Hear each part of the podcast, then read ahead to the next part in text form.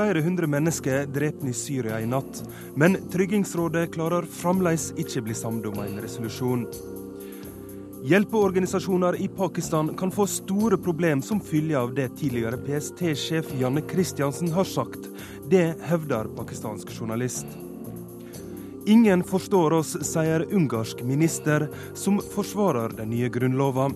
Men Jonas Gahr Støre er bekymra over utviklinga i Ungarn. Napoleon tar opp kampen mot Mickey Mus. Nå kan Napoleonland snart bli en realitet i Frankrike. Og vi skal hygge oss med livrettene til Nelson Mandela. Vi tar tempen på presidentvalget i Finland. Og vi skal snakke med Hans-Wilhelm Steinfeld, som akkurat nå står blant over 100 000 demonstranter i Moskva. Dette er Været på lørdag med Roger Severin Bruland.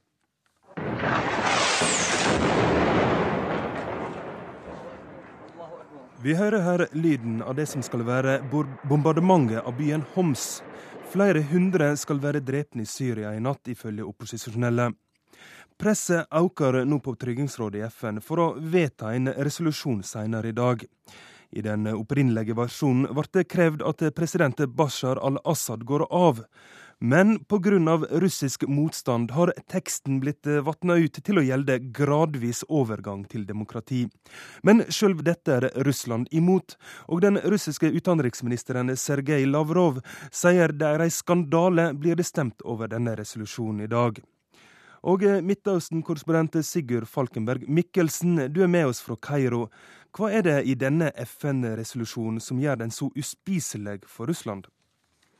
Det virker som russerne nå motsetter seg alle former for eh, resolusjoner. Denne teksten som du refererer til er nå svært eh, vannet ut eh, i forhold til den opprinnelige teksten. Jeg så et utkast av den, og der sto det jo at Bashar al-Assad skulle gå av til fordel for sin visepresident. Den, den biten er nå borte, men selv ikke det er nok for russerne. Det jeg har hørt av diplomatiske kilder her i Kairo er at de russiske diplomatene var ikke så negative som det politikerne ga uttrykk for i media. Men det vi hører fra Lavrov nå, tyder jo på at de er fast bestemt på å holde på sin linje med å da blokkere de resolusjonene så godt det lar seg gjøre. Eh, men det er klart at russerne er også i en presset situasjon. Eh, de har stilltiende støtte fra Kina og fra en del andre store land som India, som prinsipielt er imot at FN blander seg i indre anliggende i organisasjonens medlemsstater. Eh, men det er en ukomfortabel posisjon ettersom volden tiltar i Syria, eh, og at eh, disse siste hendelsene fra Homs, dersom de stemmer, hvor det da skal ha vært drept over 200 mennesker, det vil jo i så fall være den blodigste dagen siden oppstanden begynte. Men russerne virker altså fast bestemt på å beskytte sin eneste viktige allierte i Midtøsten. Opposisjonelle har storma flere syriske ambassader rundt omkring i verden, også i Kairo. Hva skjedde der? Ja, Her i Kairo er det andre gang på under en uke at den syriske ambassaden blir stormet. Det skjedde i natt, eh, antagelig etter, som en reaksjon på nyhetene fra Homs. Den syriske ambassaden ligger midt i sentrum av Kairo og er lett tilgjengelig. Eh, det ligger en eh, teltleir for syriske opposisjonelle ikke langt unna, like ved Den arabiske liga. og Syriske opposisjonelle er aktive på Tahrir-plassen også, som ligger like ved ambassaden. Eh, sånn at Det som skjedde i natt, var at de gikk til angrep på ambassaden, satt fyr på deler av den og ødela mye av inventaret og noen datamaskiner. Eh, jeg var selv på ambassaden i eh, midten, tidligere i uken og eh, var vitne til den spente situasjonen der det var krangling i køen mellom folk som støttet Assad og folk som ikke gjorde det. Og ambassadepersonellet så også ganske medtatt ut. Hvordan vurderer du stabiliteten til det syriske regimet akkurat nå? Det er, det er, vanskelig å foreta noen presise vurderinger slik situasjonen er nå. Eh, på den ene siden så er de svært restriktive med å slippe inn journalister. Eh, på den andre siden så er det også et eh, ganske lukket regime. Det har det alltid vært, og nå er det under sterkt press. Det jeg har hørt fra godt informerte kilder som arbeider i Damaskus, er at regimet holder kjernen av regimet holder fortsatt fast. Eh, det er nok av mennesker som støtter det til at staten fortsatt fungerer. Eh, men de er nå under et militært press, og et press som de ikke har vært tidligere. Og gradvis mister de også større deler av kontroll eh, over områder. Så de sliter med å ta de militært tilbake, slik de gjorde relativt lett i begynnelsen. Uansett veldig urovekkende nyheter fra Syria. Takk til deg, Midtøsten-korrespondent Sigurd Falkenberg Mikkelsen.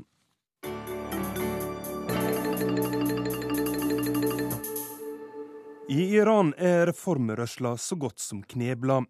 Og de som er kritiske til regimet, er redde for å snakke ut. Vi skal treffe ei ung iransk kvinne som var med og demonstrerte i 2009, men som nå frykter for framtida. Situasjonen er blitt så mye verre enn før. Ja, det er snart ikke til å holde ut, sier den unge kvinnen til NRK. Og bare det at vi ikke kan bruke navnet hennes, og i tillegg må forvrenge stemmen hennes, sier sitt om iraneres redsel for å snakke nå. Før valget i 2009 var det ikke noe problem å finne kritiske stemmer. Politikere, journalister, ja rett og slett vanlige iranere som sa at øverste leder Khamenei og president Ahmadinejad var på feil vei. Vi vil ikke ha hardlinere og strenge ayatollaher. Vi vil ha reformer, sa folk da. Men siden sist jeg var i Iran i 2009, har alle disse stemmene forsvunnet og forstummet. Iranere som er i opposisjon nå, tør bare snakke anonymt om i det hele tatt. Uh, we see the grip more and uh, we feel more frustrated and um, we are more limited. We have less freedom uh. Regimet fester grepet for hver dag. Vi har mindre frihet, og vi er redde, sier den iranske kvinnen. Hun er ikledd svart uniform, og det bekymrede ansiktet hennes er omkranset av et svart skjall. Før vi begynner intervjuet, insisterer hun på at mobilene våre må legges i et annet rom i tilfelle avlytting. Some people could give comments, papers at least we, we could see some analysis of uh, political situation of uh, the country. But today nobody can write anything, nobody can say anything, nobody can make film. I dag tør ingen ytre seg av redsel for å få trusler eller andre problemer med myndighetene, forklarer hun. Journalister kalles inn på teppet om de har skrevet noe Ministeriet for kultur og islamsk veiledning ikke liker. Det offisielle synet på krigsretorikken fra USA og Israel er at vi iranere er sterke, vi står imot alt. Men innerst inne er mange bekymret. Um, sometimes when people are waiting for a war, they say, okay, let, let them come and attack us. So that, that would be the only way that we can become um, free, you know. Kanskje er det bedre om de angriper oss, så kommer vi ut av denne situasjonen slik at vi blir kvitt dette diktaturet, sukker hun. Men som alle frykter hun konsekvensene av en krig. Okay, what would happen to me and my family next year exactly at this time? Uh, will it be like Iraq, like Libya, like Syria? Vil vi også få en situasjon som ligner den i Irak eller i Syria? Det er som om vi alle bare venter på noe. Under det siste presidentvalget i 2009 støttet kvinnen den grønne bølgen og alle demonstrasjonene mot president Ahmadinejad og øverste leder. Men tror hun at reformbevegelsen er knust? I don't say that they are crushed. I really don't want to say that. Uh, because um, um, although we are frustrated, and hopeless. Uh, but um, we, we still think that something in future will happen because Jeg håper ikke den er det, for jeg ønsker å ha et håp. Da jeg så de arabiske revolusjonene, ble jeg optimistisk. Men lederne for den grønne bevegelsen sitter i husarrest, så vi har ingen leder for vår opposisjon. Men alle venter på at noe skal skje, gjentar den sortkledde kvinnen. Um, Helst vil hun bo i Iran.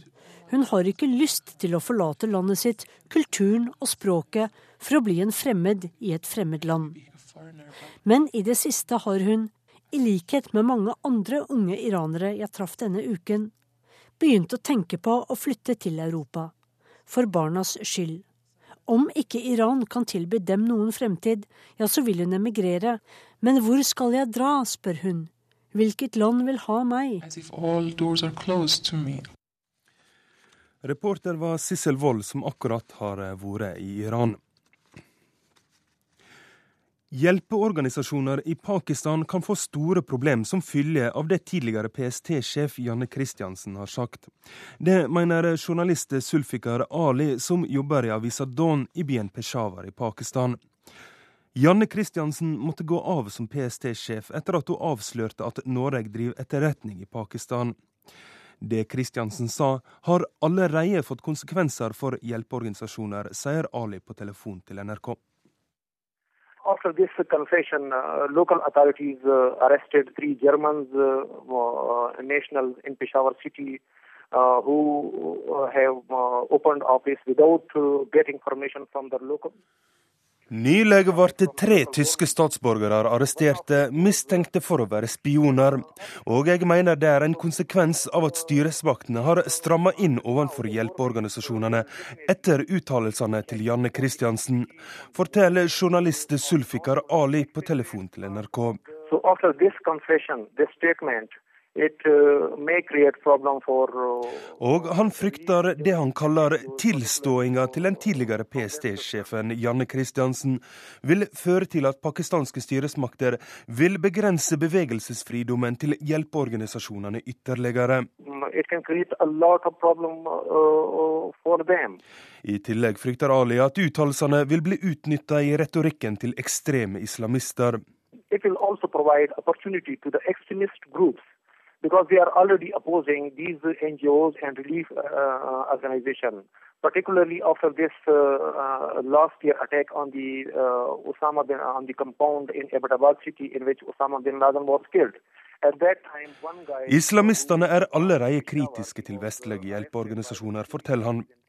Det toppa seg etter drapet på Osama bin Laden. For det var en lokal hjelpearbeider fra Peshawar som utførte vaksineringskampanjen som gav amerikanerne det viktige DNA-beviset før de slo til mot heimen til Osama bin Laden i Abbottabad. Men Sulfikar Ali vedgår at mistanken om at etterretningsagenter skjuler seg i hjelpeorganisasjonene, ikke er noe nytt. Men det folk i Peshawar finner sjokkerende, er at en velferdsstat fra Skandinavia innrømmer de driver med spionasje i Pakistan, forteller han. Of course, it's very shocking uh, uh, because for the first time, a Norwegian senior Norwegian officials admitted publicly that uh, uh, its country spies uh, uh, have been operating in Pakistan since long.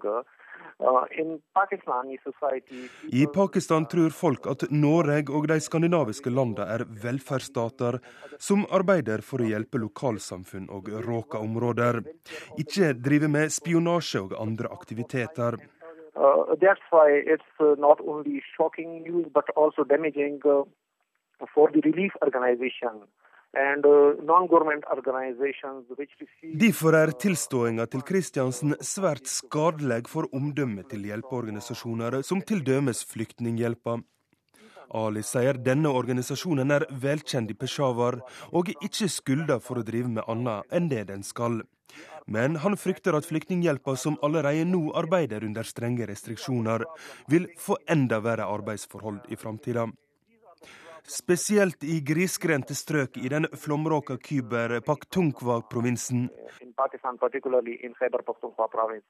How does the Islamists use it in their rhetoric, um, these uh, confessions? certainly, uh, Islamist, Islamists uh, will exploit uh, this situation, and it is an opportunity for them. They will propagate against it and will encourage people to not receive aid and not allow them to carry out activities in their areas. Og den pakistanske journalisten Sulfikar Ali som frykter islamistene vil bruke uttalelsene til den tidligere PST-sjefen for å overbevise folk om at hjelpearbeidere fra Vesten er spioner, slik at de blir nekta adgang til kriseområder og nekter å ta imot hjelp.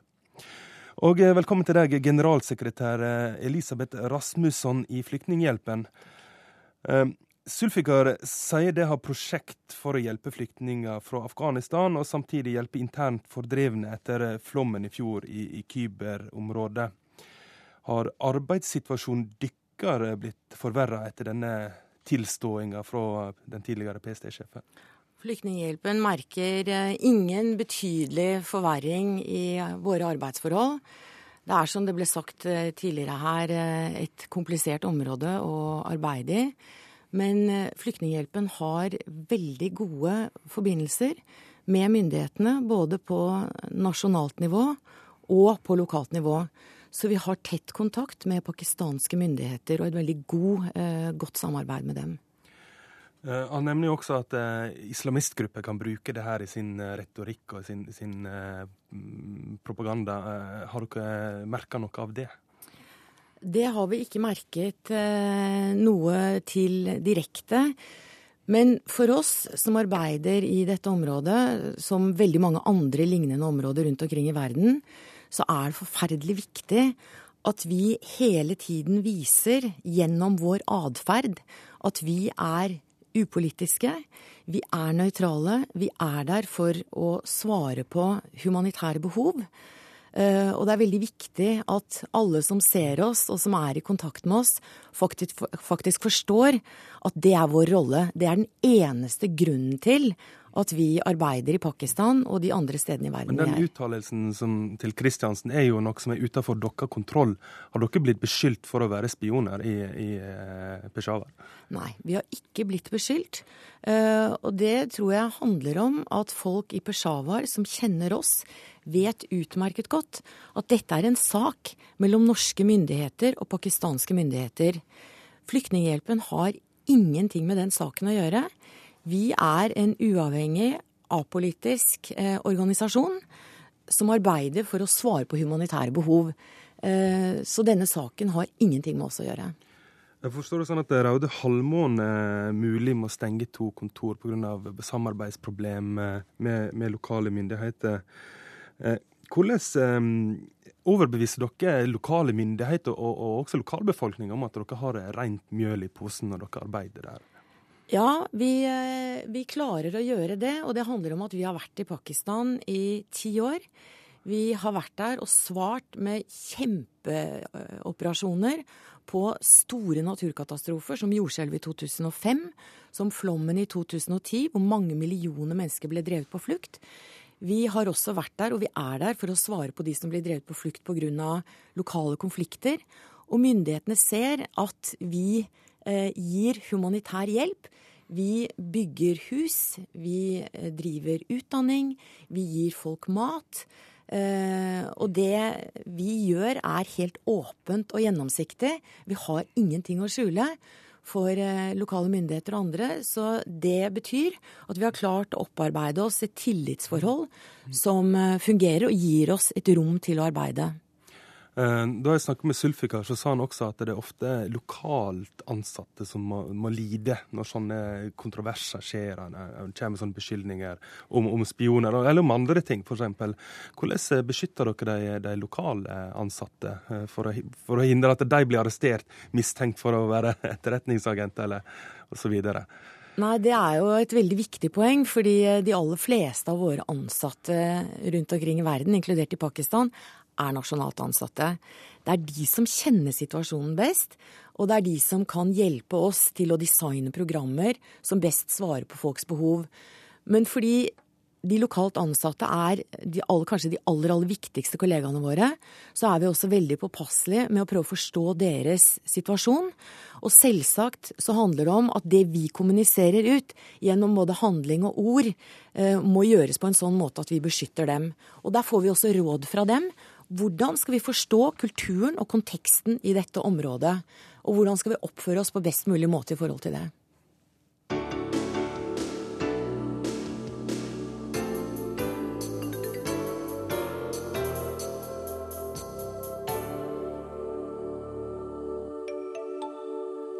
Denne veka blir det lansert ei kokebok som garantert vil bli en bestselger.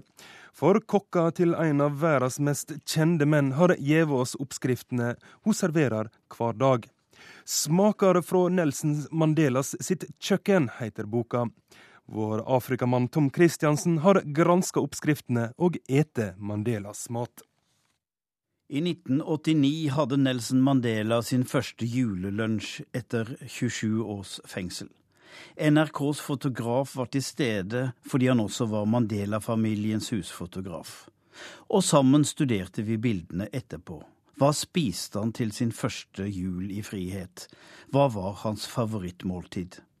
Han spiste kylling. Kylling i karri. Denne uka fikk jeg bekreftet at kylling er hans favoritt, for kokka hans avdekker nå alle hans kulinariske hemmeligheter. Boka heter Smaker fra Nelson Mandelas kjøkken. Tittelen må forlaget ha satt sammen. Mandela vanket aldri på noe kjøkken, verken sitt eget eller andres. Og han spiste ikke mye, og aller minst av forfinede retter fra franske, italienske og asiatiske kokebøker. Han spiste det han fikk som barn, og nå er han 93. Etter løslatelsen trengte han en stab til å ta hånd om de daglige sysler. Hans hus var alltid fullt av folk, særlig barnebarn som lekte og tenåringer som spilte rar musikk. Så skulle de spise, men hvem kunne lage mat som passet til unge og gamle? Han fikk tak i Kolisva Njoyi, en ferm dame fra hans hjemdistrikt. Hun var Kåsa som ham selv. Hun var kokke og hadde lagd mat for en hvit familie og for et jødisk gamlehjem så han spurte. Jeg hører du er en god kokk, men kan du lage vår mat? Klart jeg kan. Det har jeg gjort hele mitt liv, svarte Kåli. Dermed ble hun ansatt. He really made me feel comfortable because at the same time he didn't like the idea of being uh, being my boss. He likes the word being a father, and then he acts like a father at home, at, at the house. Jeg var så glad for å se ham, sier Kåli. Han gikk veien for oss andre. Uten ham hadde ikke vært der vi er i dag. Jeg hadde bare sett ham på TV. Han var ikke sjefen min egentlig, ikke boss. Det ville han heller ikke være. Han ville heller være far i huset, og det var han. Han ville ha mat hjemmefra, husmannskost som han var vant med. Han spiste alt hun satte fram, både kyllinger og lammekjøtt, geit og sau, biffer og erter. Mandela har fortsatt å drikke syrnet melk. Som ung lot han melka stå i vinduet til den ble sur, så drakk han den. Kåli driver med det samme. Pussig etter 27 år i fengsel, han kunne jo spist luksus hver dag. I perioder har det vært mye fint statsbesøk og flotte gjester. Både Michael Jackson og Oprah Winfrey har sittet ved hans bord. Restene har Kåli gjort om til små lekkerbiskener, men de har aldri slått an. Hva er feil, Kåli? Hvorfor får jeg ikke ordentlig mat lenger? He likes everything, but that's, that's the most thing that I know that uh, when you bring it to him, you see his face, and then you can tell that now he's receiving exactly what he likes. Not that is, he's choosing, or he's not choosing, he's not fussy, but then let it be no oily food. That's all what I can say. Han liker alt, sier Collie, men jeg ser jo på fjeset hans når jeg har laget noe han virkelig liker. Men det må ikke være for oily, han liker ikke feit mat. Jeg drømte lenge om å lage en kokebok, sier Kåli. En ordentlig bok uten jåleri, men med retter hjemmefra. Ifra Transkei, der både jeg og Madiba kommer fra, og nå er det blitt en slik bok. Bildene i boka er lekre og innbydende, men man trenger ikke spesialbutikker for å lage Mandelas favoritter. Det meste fins på hjørnet, og inne fra hans kjøkken kommer ingen hemmeligheter. Jeg innrømmer at jeg bruker buljong, sier Koli. Aromat også, til og med melange. Jeg syns det smaker bra, og jeg får aldri noen klager. Han har aldri klaget. Men det har vært noen forandringer underveis. Plutselig, i 1989, skulle han ha hvitløk. Det var det ingen som brukte hjemme, men han var nygift for tredje gang, og Grasa Marcel fra Mosambik var vant til det portugisiske kjøkken, der spiser de atskillig hvitløk. Desserter, han får de også, og foretrekker frisk frukt, meloner, mango, druer og pærer, men ikke søte kaker og søtt kliss. I kokeboka står rettene oppført for fire personer. Hun koker bare halvparten for den aldrende Mandela, som ikke lenger viser seg offentlig, han spiser som en fugleunge. Og oppskrifta på kyllingsuppa til Nelson Mandela kan de finne på våre nettsider nrk.no. Frankrikes første keiser kan få sin egen familiepark. Napoleonland skal bidra til at kontroversielle Napoleon Bonaparte ikke skal bli glemt og sensurert i Frankrike. En despot og tyrann eller en stor statsmann som reddet Frankrike fra ruinene etter revolusjonen. De lærde strides om Napoleon Bonapartes testamente. Men i Yves Montons Napoleonsang fra 1953 blir han uansett hyllet. Og nå kan kontroversielle Napoleon få en renessanse etter at en sprø idé er lansert. Napoleonland, en fornøyelsespark som skal ta opp konkurransen med Disneyland. Après tout, les Américains ont réussi avec une souris à en faire euh, un levier d'attraction mondiale. Je ne vois pas pourquoi, avec le personnage de Napoléon, on réussirait pas le même exploit. Disney har klart å lage suksess med en mus. Da burde vi klare å lage det med en personlighet som Napoleon. Han fortjener en slik fornøyelsespark. Keiseren har et ufortjent dårlig rykte, sier prosjektets initiativtaker Yves Jegot til NRK. Han er parlamentsmedlem for høyrepartiet Parti Radical og ordfører i den franske byen Montereau, der Napoleon vant sitt siste store slag i 1814 mot det østerrikske kongehuset Würtemberg. Årlig markeres slaget med folkefest og Napoleon-karneval i byen 90 km fra Paris. I 2018 håper han at Napoleonland kan åpne portene bare 45 km unna Disneys magiske verden. Der skal keiserens fascinerende, men kontroversielle liv som statsmann og hærfører gjenskapes. Det vil bli en park som kombinerer historiske fakta med attraksjoner, sier Yves Gegaud, som er tidligere minister for de oversjøiske områdene, som er en del av Frankrike verden over. I tillegg til hoteller, butikker og restauranter ser han for seg at det knusende slaget ved Waterloo, som førte til Napoleons fall i 1815, skal rekonstrueres. Drømmen er at folk skal kunne delta i dette og i andre viktige slag i Napoleons historie.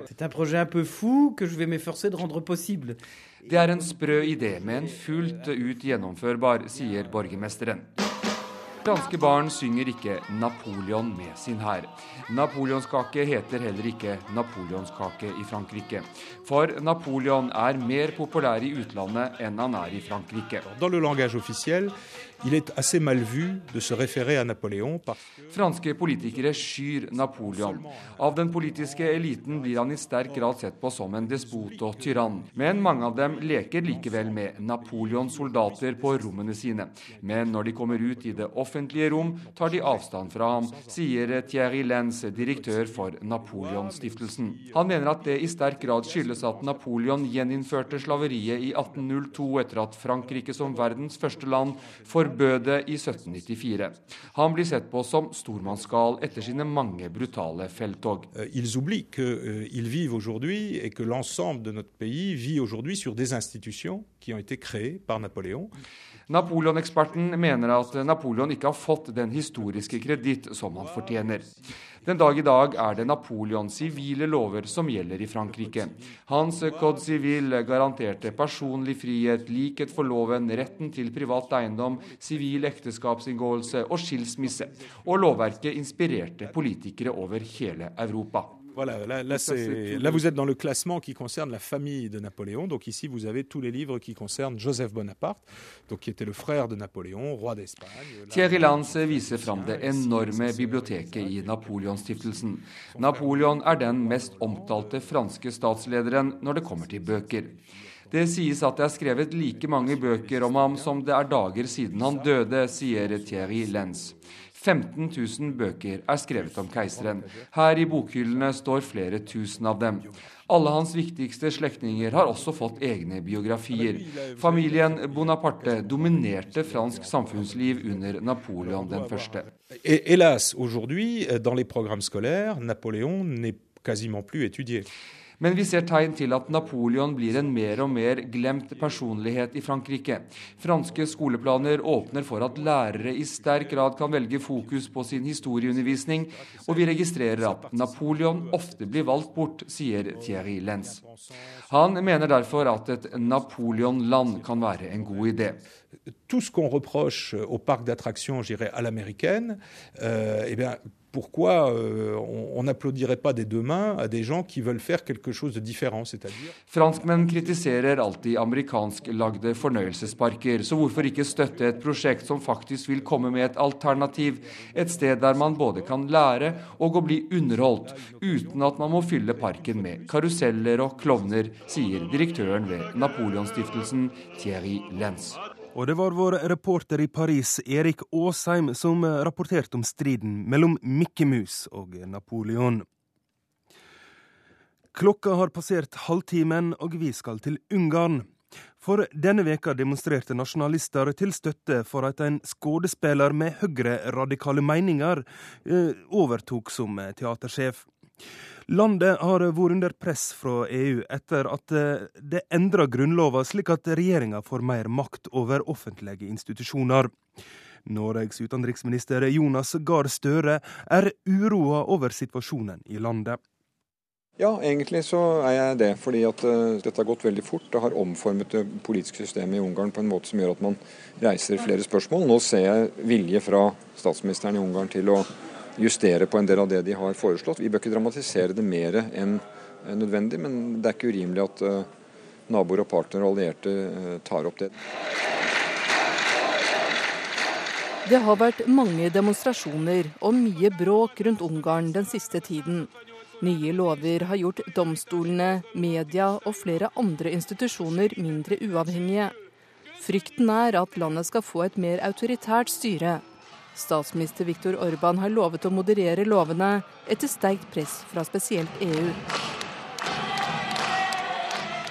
Også vi har jo tatt opp ting med Ungarn. Jeg har ringt min ungarske kollega og sagt at det er uro eh, også hos oss rundt mye av det vi ser. Fått eh, ganske uttømmende forklaringer fra han, og det, den type dialog tror jeg vi må, Ungarn bør få fra flere. Men press fra omverdenen har også vært som sprit på bålet for de nasjonalistiske strømningene i landet. Denne uka gikk ulike nasjonalister ut i gatene for å hylle en nyansatt teatersjef. Jojo Dörner er kanskje mest berømt for å dubbe Bruce Willis til ungarsk, men han er også kjent for sine rasistiske uttalelser. Nå har han et helt teater å boltre seg på. Et eksempel av mange på hvordan nasjonalistene vinner stadig nye posisjoner og makt. Støre frykter likevel ikke at landet blir mer autoritært. Jeg vil ikke dramatisere det så mye, for jeg mener at nå er Ungarn så sammenvevet med sine partnere og naboer, særlig gjennom EU, at det finnes mange bremser som også uh, utenverden kan sette på i forhold til det, og som Ungarn bør merke seg. Uh, men parallelt med den krisen de nå er i, så ser vi at tilliten til økonomien deres faller. For den ungarske økonomien er nær kollaps. Får ikke landet lån fra Det internasjonale pengefondet, vil det gå konkurs. En oppfatning i mange miljøer at uh ut av krise så kommer det liksom god økonomisk politikk eh, for å liksom redde økonomien. Det tror ikke professor i økonomi Kalle Mone. Han sammenligner det som skjer i Ungarn med 30-tallets Europa. Det typiske for 1930-tallet for mange land i Europa, det var jo at du fikk fascisme. Du fikk høyreradikale eh, såkalte løsninger. Og det er klart at det er også en fare i dag. Og, og det henger sammen med stor ledighet, som lett gjør at en kan mobilisere folk for eh, løsninger som eh, ikke er spesielt akseptable for de fleste. Jeg tror ikke det er sånn at 30-tallet gjentar seg, men du vet at hvis du kombinerer økonomisk krise med, eh, med slike lettvinte løsninger som folk kan bite på, så er det eh, ikke noe god historie Europa har der. Sa utenriksminister Jonas Gahr Støre. Reporter Åse Marit Befring. Kommunikasjonsminister Sjoltan Kovac har fått den utakknemlige oppgaven å forsvare den ungarske regjeringa i internasjonale medier. Da jeg snakka med han for litt siden, hevda han at kritikken fra EU og USA, og for så vidt Støre, er urettvis. Han føler seg rett og slett misforstått. It is actually what you are witnessing is that uh, the Central European democracies are. So they are full-fledged members of the European Union. They are showing professionalism. And what it's simple what we are asking for. No double standards. Take us as we are and pay more attention to our history.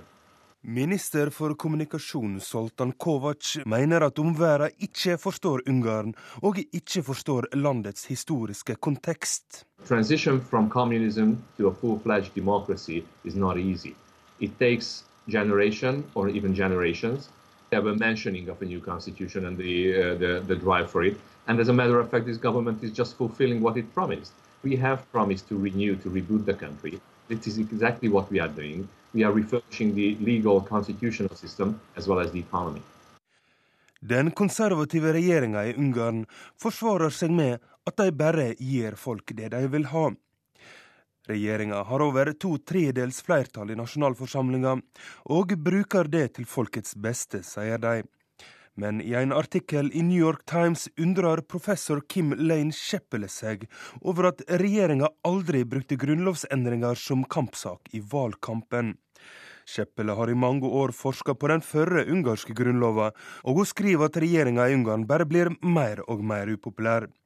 En meningsmåling fra Ipsos viser at bare 16% av velgerne vil stemme på Fides igjen, og 84% av de spurte mener den politiske utviklinga er på ville veier.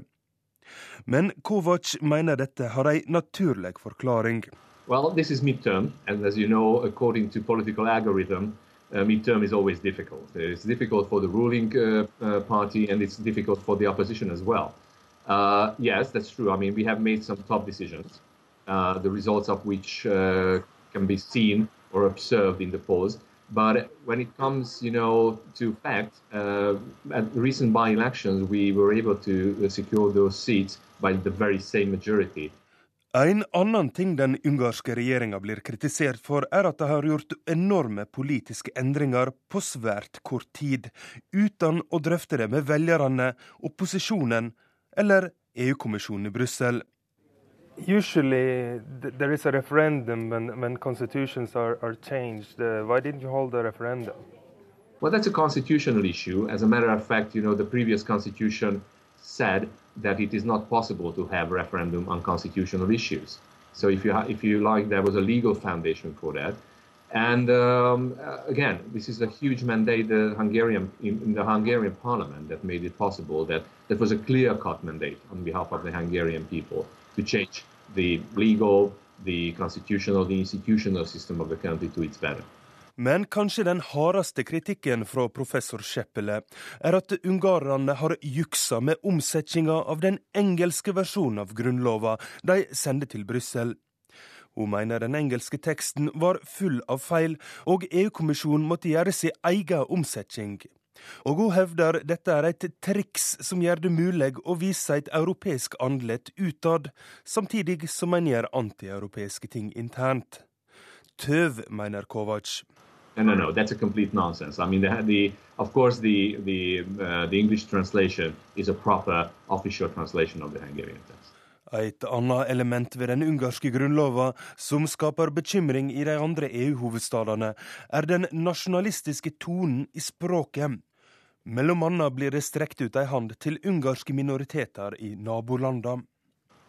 Probably one of the biggest achievements actually in the new constitution that it, uh, or the accompanying so-called cardinal laws that it is addressing actually the, uh, the issue of minorities living in Hungary, providing them very extensive rights to preserve their culture, language, uh, the habits actually they, they preserve. This is exactly what we are expecting from the neighboring countries for the Hungarians. Og Kovac mener den ungarske grunnlova ikke er mer eller mindre kontroversiell enn andre europeiske grunnlover. Uh, democracy exists in uh, Europe in many forms, in many dresses. What happens actually in Hungary that uh, we are giving a new dress to democracy. So what we really ask for that get know the constitution, get a proper knowledge of the context, and then you get uh, you you will understand what we are doing. Minister for kommunikasjon der, Soltan Kovac, som jeg snakka med på videotelefon. Han oppfordrer oss til å lese den nye ungarske grunnlova nøye, og han lover å sende meg en kopi.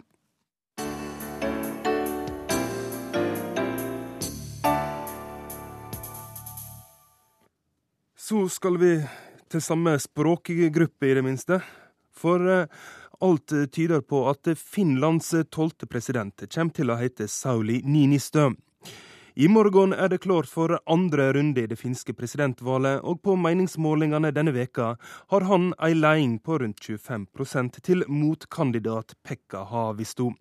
Men fremdeles er det mange som ikke har gjort seg opp ei mening. Vår Finland-ekspert Morten Jentoft rapporterer.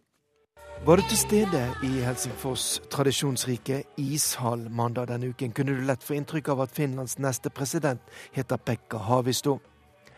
Med 1990-tallets mest kjente finske rockegruppe Ultra Bra på scenen var 8000 entusiastiske finner samlet for å vise støtte til sin kandidat.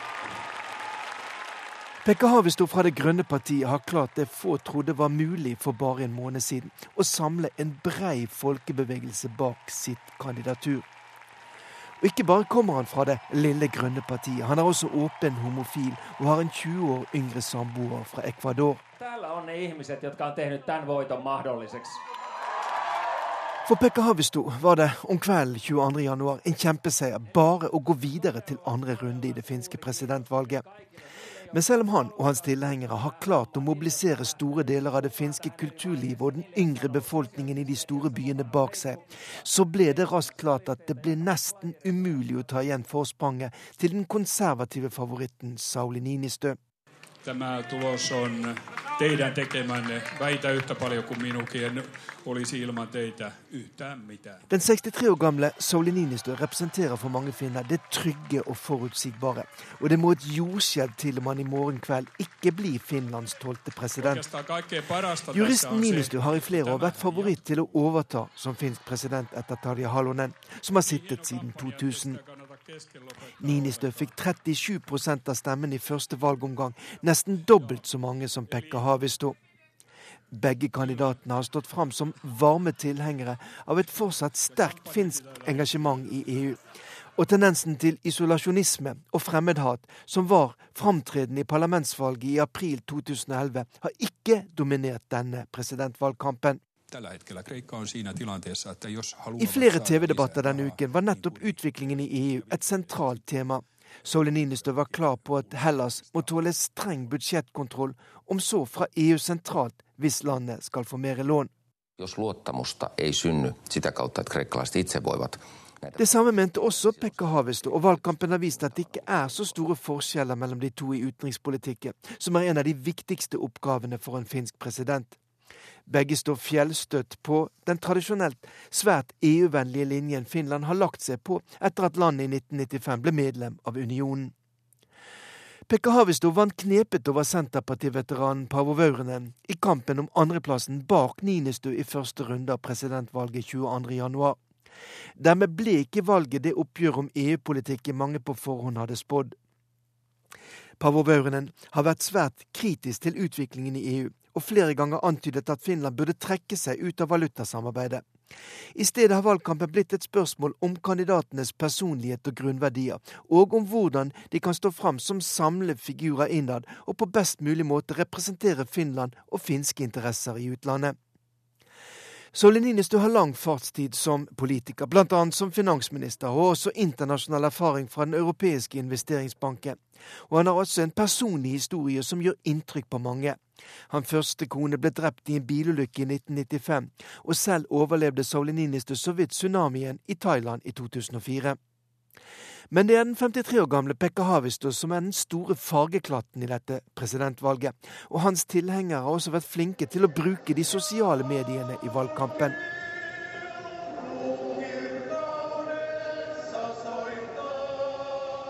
Et av de siste påfunnene er den opprinnelige engelske ideen om spontane korkonserter. Framføringen av den kjente Finlandia-hymnen på jernbanestasjonen i Helsingfors har i løpet av få dager blitt en kjempehit på internett, samtidig som kjente politikere som sosialdemokraten Paavo Lipponen og Elisabeth Rehn har gått ut og sagt at de har forhåndsstemt på Pekka Havisto. Dette kan gi grunnlag for en sterk valgkampinnspurt for den grønne presidentkandidaten. Men meningsmålingene gir altså Sauli Ninistø et så klart forsprang at det virker nesten utenkelig at han ikke vinner valget på søndag. I meningsmålingen som finsk radio og TV Yle offentliggjorde torsdag, sa riktignok hele 23% av de stemmeberettigede at de ikke har bestemt seg for hvem de vil stemme på, eller at de kanskje ikke vil delta i valget i det hele tatt. Stemmer alle disse på Havesto, har han en mulighet til å utfordre Ninistø. Men ingenting tyder på at det kommer til å gå slik. Dermed heter Finlands president de neste årene Sauli Ninistø. Og til slutt her hørte vi litt fra Finland, hymna komponert av Jean Sibelius. Og valgresultatet i Finland vil være klart ved nitida norsk tid i morgen kveld. Nå skal vi ha korrespondentbrevet signert Hans-Wilhelm Steinfeld i Moskva.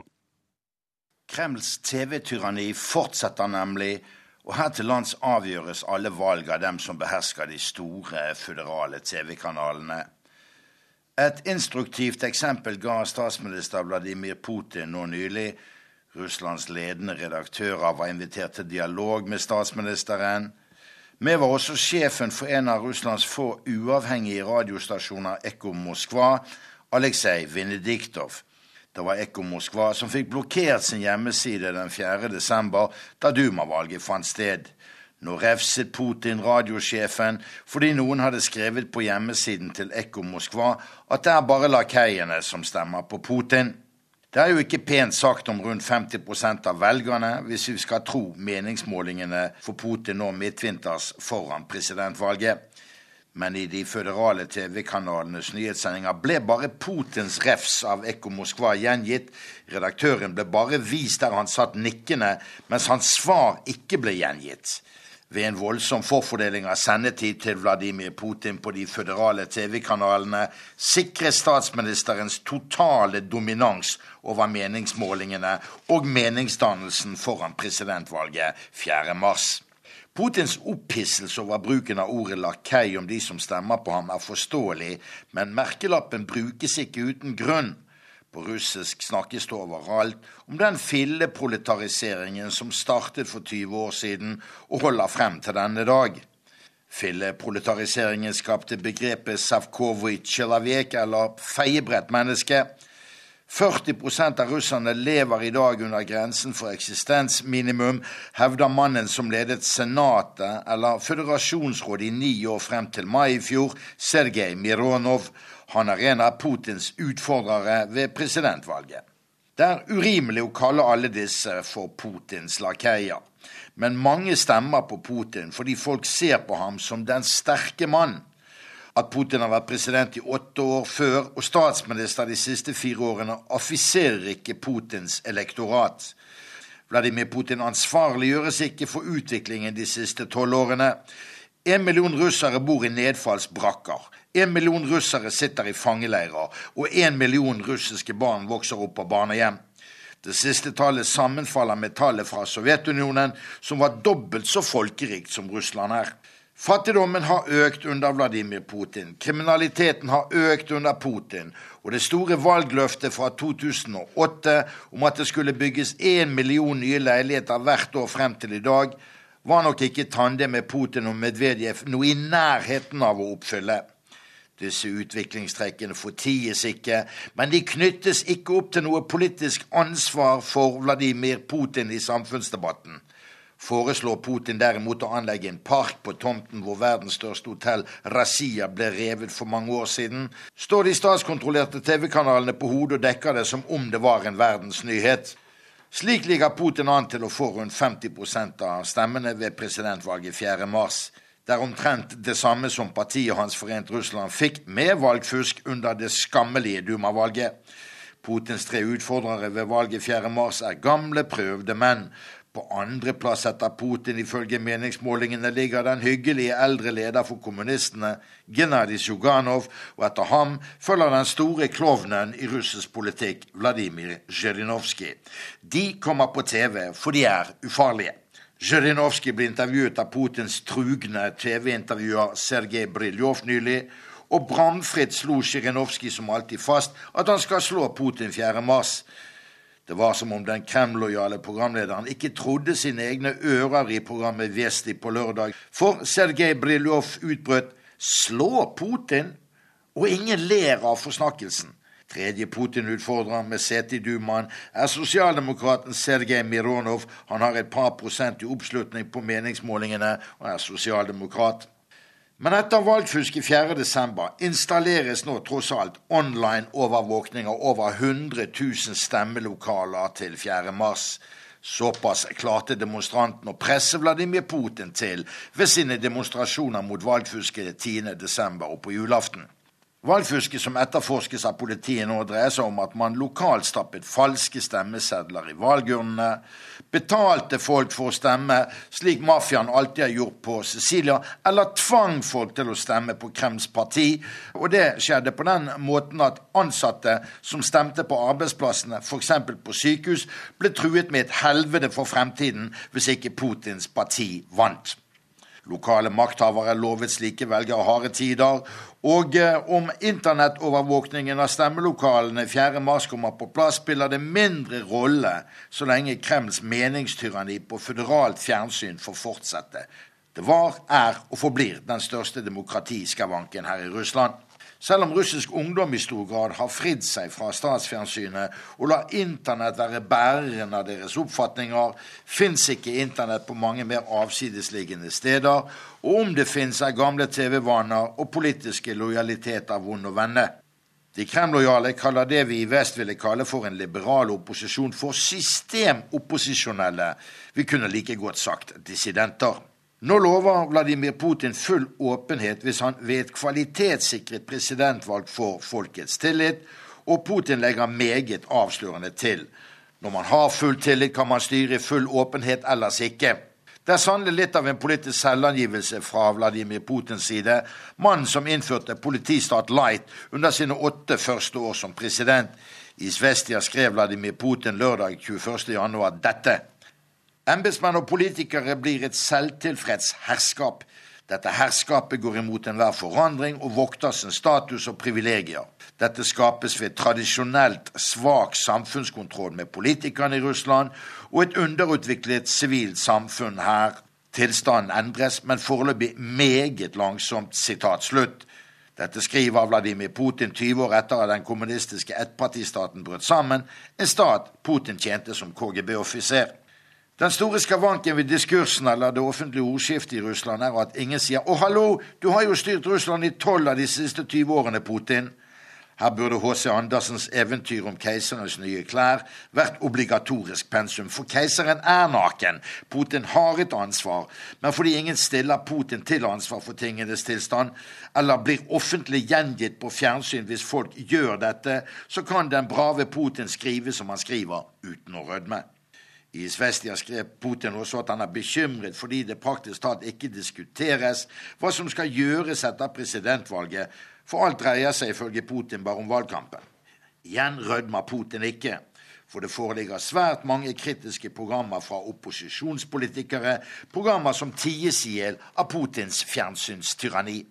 Det står nok i avisene, men avisene leses lite, for det er TV som gjelder.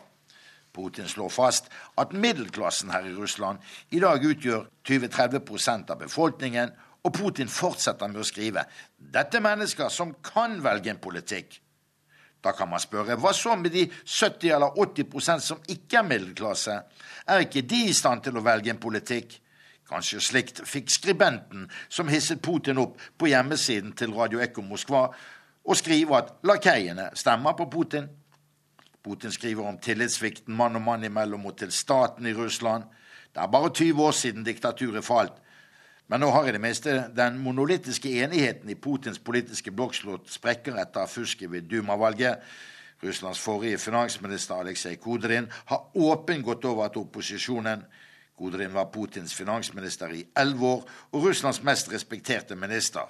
Putin kalte Kodrin i desember for en kamerat og en venn, Likevel blir nok trolig Putin president igjen, med eller uten Kodrin. Og dette er et vitnesbyrd om at makten som rår, ikke helt har fridd seg fra de styringsgrep som rådde i sovjettiden med ettpartisystemet. Hans-Wilhelm Steinfeld, Moskva. Og russiske demokratiforkjempere trasser i dag sprengkulda for å demonstrere mot Vladimir Putin. De hadde håpet på over 50 000 oppmøtte, men nå sier russisk politi at de har møtt opp nesten 90 000 Putin-tilhengere. Og Moskva-korrespondent, vi har deg med på telefon nå fra Moskvas gater. Eh, hvor, ma hvor mange er det som demonstrerer, og hvem er de? Jeg står ved siden av Grigorij Javlinskij, som er nektet å stille opp som presidentkandidat. Og på Myrplassen ved Ken var det over 100 000 mennesker til stede i 20 kuldegrader. Og det har vært en ganske mektig demonstrasjon her i Moskva. Det har vært flere arrangementer. Men i over 100 russiske byer har folk i dag demonstrert mot det uærlige valget som fant sted 4.12. Eh, i Dumaen og også frykten for at det skal bli forfalskede resultater etter presidentvalget 4.3. Er det fleste Putin-motstandere eller tilhengere? Kan du gjette spørsmålet? Er det tilhengere eller motstandere? Hvem er det flest av? Det er et eget møte for Putin i Moskva i dag, men her var det den liberale opposisjonen på over 100 000 som mønstret bare 500 meter fra Kreml i formiddag. Er det fare for bråk? Nei, det har gått fredelig for seg. Politiet har samarbeidet med organisatorene. Og det var altså en veldig sterk stemning eh, når folk da hørte eh, appellene og resolusjonene mot det som de mener er maktmisbruket fra Kremls side i samfunnet nå. Takk til deg, eh, Moskva-korrespondent Hans-Wilhelm Steinfeld. Eh, været på lørdag er slutt. Eh, du kan høre oss på podkast, og vi har også eh, har flere saker på NRK sine websider. Teknisk ansvarlig var Lisbeth Sellereite, og i studio Roger Severin Bruland.